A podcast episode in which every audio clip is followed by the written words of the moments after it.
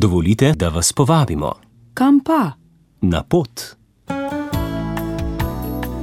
Vabilo na pot. Spoštovani rekreativci, dober dan.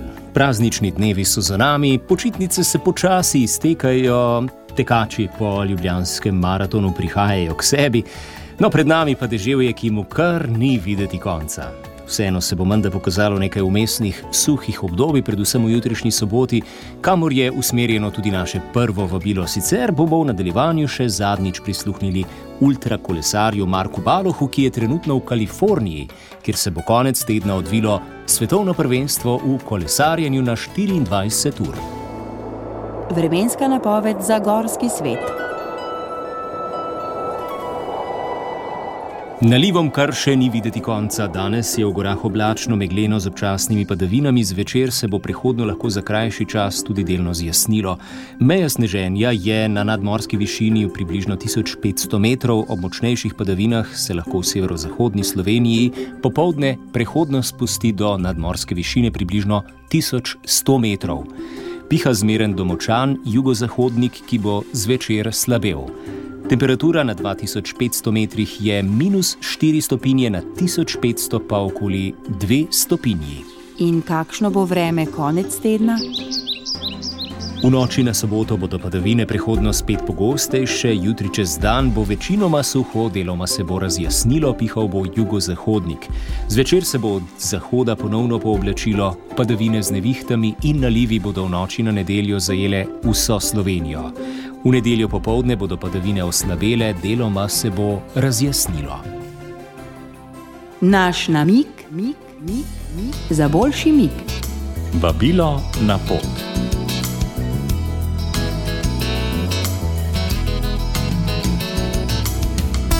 Društvo vinogradnikov Trška Gora vas jutri v soboto vabi na 13. pohod po obronkih Trške Gore. Zbor bo med 8:30 ter 9. uro pred gostilno Pugel, start pohoda ob 9. po trasi s postojankami, organizatorji obljubljajo toplo malico in krst mošta v zidanici Darko Bašel, cilj pa bo na izhodišču pohoda ob 14. uri.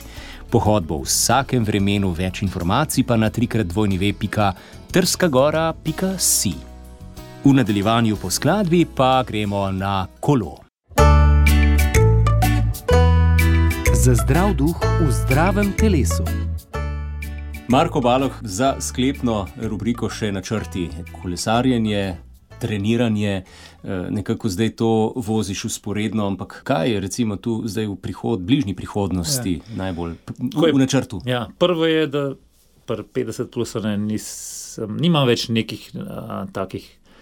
Mo, tako bom rekel, malo se povečuje a, del trenerski del, pa zmanjšuje dirkaški del. No? Uh -huh. um, Se čuti, se čuti emšo? Malo se čuti, mislim, moram reči, da recimo pri Poweru, pri, pri moči, moram reči, da absolutno se čuti, tista maksimal, maksimalna moč ali pa moč na pragu, rob, na robnem je, je nižja. Ampak, ko pa pogledam na delke, po rezultatih pa se izkušnje tako poznajo, da Izkušnje. ne, tako da, da se da še zmeraj delkati. Ampak čisto časovno, pa tudi finančno, pa več se ukvarjaš z drugimi, pač manj časa ti polzate ostane. Tako da, pa to, kar sem rekel, ni, ni več nekih takih full ciljev, razen Sibirije, ampak tem mogoče sploh ne bo, nikoli ne več. Uh -huh.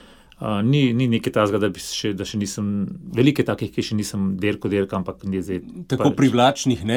če je človek tudi- že vse to prevozil. Ja, bi tudi bilo, ne, ampak se Ja. ja. pravi, če bi imel neomejeno časa, pa denarja, ampak to vemo, da je vse omejeno. Ne, in, Ampak zanimivo kolesarstvo tudi zato, ker lahko uh, relativno pozno še človek v teh letih še zelo veliko doseže. Ful si lahko konkurenčen, celo jaz sem imel veliko takih, ki so začeli, ki tudi niso bili v osnovi kolesari, kot sem bil jaz, no, ampak so začeli pri tudi 40 plus, pa so bili, seveda, ne, ne, ne moš pol dirka s temi, eh, ki so iz kolesarskih vod, pa mlajšimi, ampak. eh, Mlajšim, ampak zakaj ne? Tudi izkušnje tu pridejo spet uh, v spredje. Recimo, Tudi, če, ja. tudi čeprav tlem, recimo, manj kot pri vožnji v grupi, ne, kot je bilo recimo. Um, za pri rogliča. Primožu, ne, uh -huh. še, še zmeraj mečkan, včasih se zgodi kaj, kar se recimo pogijo ne bi. No. Ampak to je drugo. No. Tle pa se bolj pozna to, da če začneš pri 40, n- zelo težko boš dosegel en tak nivo, ki ga ima tisk, ki je že od mladih let, eh, ali pa so v tekmovalnem pogonu. Ne. Tudi zaradi čisto fizičnih. Po mojem, tudi, tudi fiziološki, ja, uh -huh. po mojem, tudi to. No. Ja. Pač osnove tiste ti vstanejo in uh, je težko pol nadoknaditi. Pridejo pa zelo visoko, to, kar sem začel, ne pač tisti, ki imajo cilj samo ram prevoziti. To je veliko takih, ki se začnejo pozni in uh, tudi začnejo zdravo živeti, bolj uh, kolesarstvo je full zdrav. Mislim, mislim za me je tako najlepši na svetu, ampak zelo zdrav šport, razen nesreča, ne, ki nažalost se dogaja. Recimo, pač... Kdaj, ko so pihaš v kakšen klanec pred teboj, pa izpušni plini, ki te. Ja, mor, mogoče tudi to, ja, to, to nisem nikoli razmišljal. Vprašanje je, če je to kaj več, kot pa za tiste, ki so normalni, verjetno malo bolj globoko inhaliraš. Takrat inhaliraš, ja. ja, ja. Tako da mogoče tudi to, no, ampak drugače drugoč je pa to res mhm. naj, najbolj zdrav šport, ne obremenjuješ nekih sklepov, kot pretekom. Mene tek, včasih zelo veliko smo tekali, ne, tudi kot priprave zimske ampak je bilo zmerno neki kolen, gležni, ahilove tetive. Pač Je preško, reče, kontaktno. Ja, pri pač, kolesu pa pravzaprav ravno obratno ja. Eh, narediš neko preventivo za ja. sklepe. V bistvu, če pogledaš rehabilitacije, tisti, ki imajo kakšne operacije, to imajo vsi rehabilitacijo na kolesu, uh. -huh. ker je to pač blagodejno in te pač požene kri po žilah, zato ker si rekoloja za zdravo telo. Ja. Je to verjetno v tem obdobju, potem, ko človek že vso to dirkaško sezono da čez, pride bolj v spredje, ta družabni del, to povezovanje? Ja, ja meni je bilo to zmeraj ta lep del, tudi pri ultra, moram reči, da tudi ultra kolesarstvo je tekmovalen šport, ampak predvsem pa dirkaš sam sabo, no, oziroma hočeš svoj, svoje najboljše doseči. In tam je čist, niti zga, zdaj pa je snega nagonu, uh mhm. -huh. Tudi, seveda ti pomaga tudi to, da dirkaš z drugimi, ampak zmeraj je nekaj medsebojno lojalnost, pomoč, eh, tako, tako da nevrjetno, kako vidiš zgodbe, ki si ekipe med sabo pomagajo, recimo profesionalno. Tudi vidiš, seveda vidiš, ampak ne, to, ne toliko. To je čisto mhm. tako družinsko vzdušje in moram reči, da to je ena stvar, verjetno, ki te pol tudi uh, vleče, oziroma te. te Obdrži tam noter, ker je feeling, ki greš. Poglej pa še letos na svetovno prvenstvo 24 ur, ki zdaj že kar, mislim, da je ne, razen eno leto, ko je bilo odpovedano, zdaj že 8-9 let vsako leto. So nekako gosta tam z, z Ermo in uh, to je pa poti zaključek sezone. Nekako, če ne greš, se kar čutiš, da ti manjka tisti ljudje, tista energija, ki jo dobiš od tega. No, da... no, bomo navijali, kdaj bo svetovno prvenstvo? To je pa še novembra. novembra. Prvi vikend novembra. Kje? V, zdaj že v Boregu Springs v Kaliforniji, že od leta 2015, uh -huh. prej je bilo pa nekaj časa. Druge v Kaliforniji, že prvič, ko sem bil, deležen za leto 2002 v Ajovi. In od takrat vsako leto? Ne, ne. ne. Tudi ne. finančno bolj. Pa, takrat smo bili prvič, pa kar dolg ne, pa so bili bolj rami v spredju, zdaj smo šli pol naslednjič, 2012, šele deset let kasneje. Od 2015 pa kar vsako leto. Ja. Nekako je to, lih taka, taka razdalja. Oziroma čas, ne 24 ur. Ja, čas, čas je tako. 24 ur nekako mi streza, tudi res, eh, takrat začetka je bilo še malo manj, pač zdaj dan danes je pa res najboljši. Teh 24 ur je zdaj zelo velik. Tudi mi smo organizirali v Dobrovniku, letos nažalost smo mogli povedati, ker je bilo uh, premalo prijavljenih, ampak uh, drugače pa tam, recimo ta je taka, da je res največ z tega tudi nekako naziv svetovno prvenstvo mislim, da je bilo od začetka bolj tako, da so si ga sami nadali, ampak dan danes, glede na konkurenco, je pa to res svetovno prvenstvo, ker pridejo res celega sveta, ne, niso samo američani. Ne. Ta prvič, ko smo bili, pa je bilo pa to res ne, če ne se bilo 20 od tega, ne, 3-4 evropejci so stavili, pa iz Amerike. Ne, tako da je, ful se je zadeva spremenila, zadeva je postala res, res precej bolj globalna. In kolesarstvo tudi vedno bolj priljubljeno. Ne? Tako, in ja, živimo še naprej na kolesu. Mislim, jaz si ne predstavljam, me sprašujejo, kdaj boš pa neko. Uh. -huh. Kot sem rekel, der, derkanje malo bomo zmanjšali, ampak je pa le čist drugače eh, pripravljati se trenirati, če imaš en cilj. Tako da kakšen, saj še ne par let naprej vidim, da bom še zmeril. Da drži nekje. Za kakšno dirko, da, da, ja, da ima motivacijo, malo je lažje na trening se pol spraviti. Tako da ja, bomo še, bomo še mečkali tudi, tudi dirka. Ja, srečno, Marko, in še enkrat hvala. Hvala enako. Za zdrav duh v zdravem telesu. Celoten pogovor z ultrakolesarjem Markom Balohom lahko najdete v našem audio arhivu oziroma med podcasti Vabilo na pot. Ob koncu današnje rubrike pa nas čaka še vabilo v današnje zanimivosti nočnega neba v sklopu doživeti narave.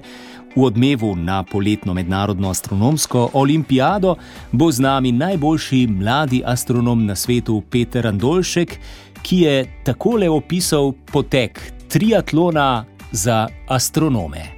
Teoretični del, to je pet ur nalog, brez odmora vmes, ampak vsem kar hitro mine čas, dejansko ni, ni tako dolgo, kot se zdi je pa kar napor. Potem je obdelava podatkov, se torej pri teoriji se neke probleme rešuje. Pri obdelavi podatkov pa se ima neke astronomske podatke, dejansko kakšne tabele, kakšne slike. In z njihovo pomočjo se do nekih ugotovitev pride, do kakih novih spoznanj. Potem pa je še opazovanje, ki je v resnici bilo letos kar zabavno, kar planetari. V Katovicah je eden izmed najbolj razvitih v Evropi. Mislim, da so največja kupola v Evropi in je kar obnovljen bil pred par leti in so se hoteli tudi malo považati s tem svojim planetarjem, zato so tudi organizirali olimpijado in je bil centralna atrakcija cele olimpijade, v bistvu vrhunsko doživetje realne zvezde. S Petrom Andolškom je prišel tudi njegov profesor fizike na gimnaziji Bežigrad, Sebastian Zamuda, ki na vprašanje, koliko krat se z dijaki odpravijo na opazovanje nočnega neba in kako je z njihovo opremo, odgovarja takole. Več let je bila to želja, ki se je redko uresničila. In sicer, ko seštejemo vse faktore, prvič vreme, ki si ga želimo za nekaj dni vnaprej zanesljivo napovedati, čas, ki ga imajo dijaki, po možnosti, kakšna večja skupina, ko oni skombinirajo vse svoje priprave, teste, obiske pri babicah in tako naprej, se izkaže, da to postane zelo velik izziv. Tako da tudi po nekaj letih sem se jaz sam naučil da je v bistvu veliko bolje, če to opremo, ki jo imamo na šoli, ne hranimo na šoli, ampak je v bistvu vse čas izposojena pri dijakih. Ne? Tako da praktično vso opremo, vso šolsko opremo imajo dijaki tudi v tem trenutku izposojeno. Prisluhnite danes med 17 in 18 uro. Vabilo na pot. Za življenje zdravo, po vdihu naravo.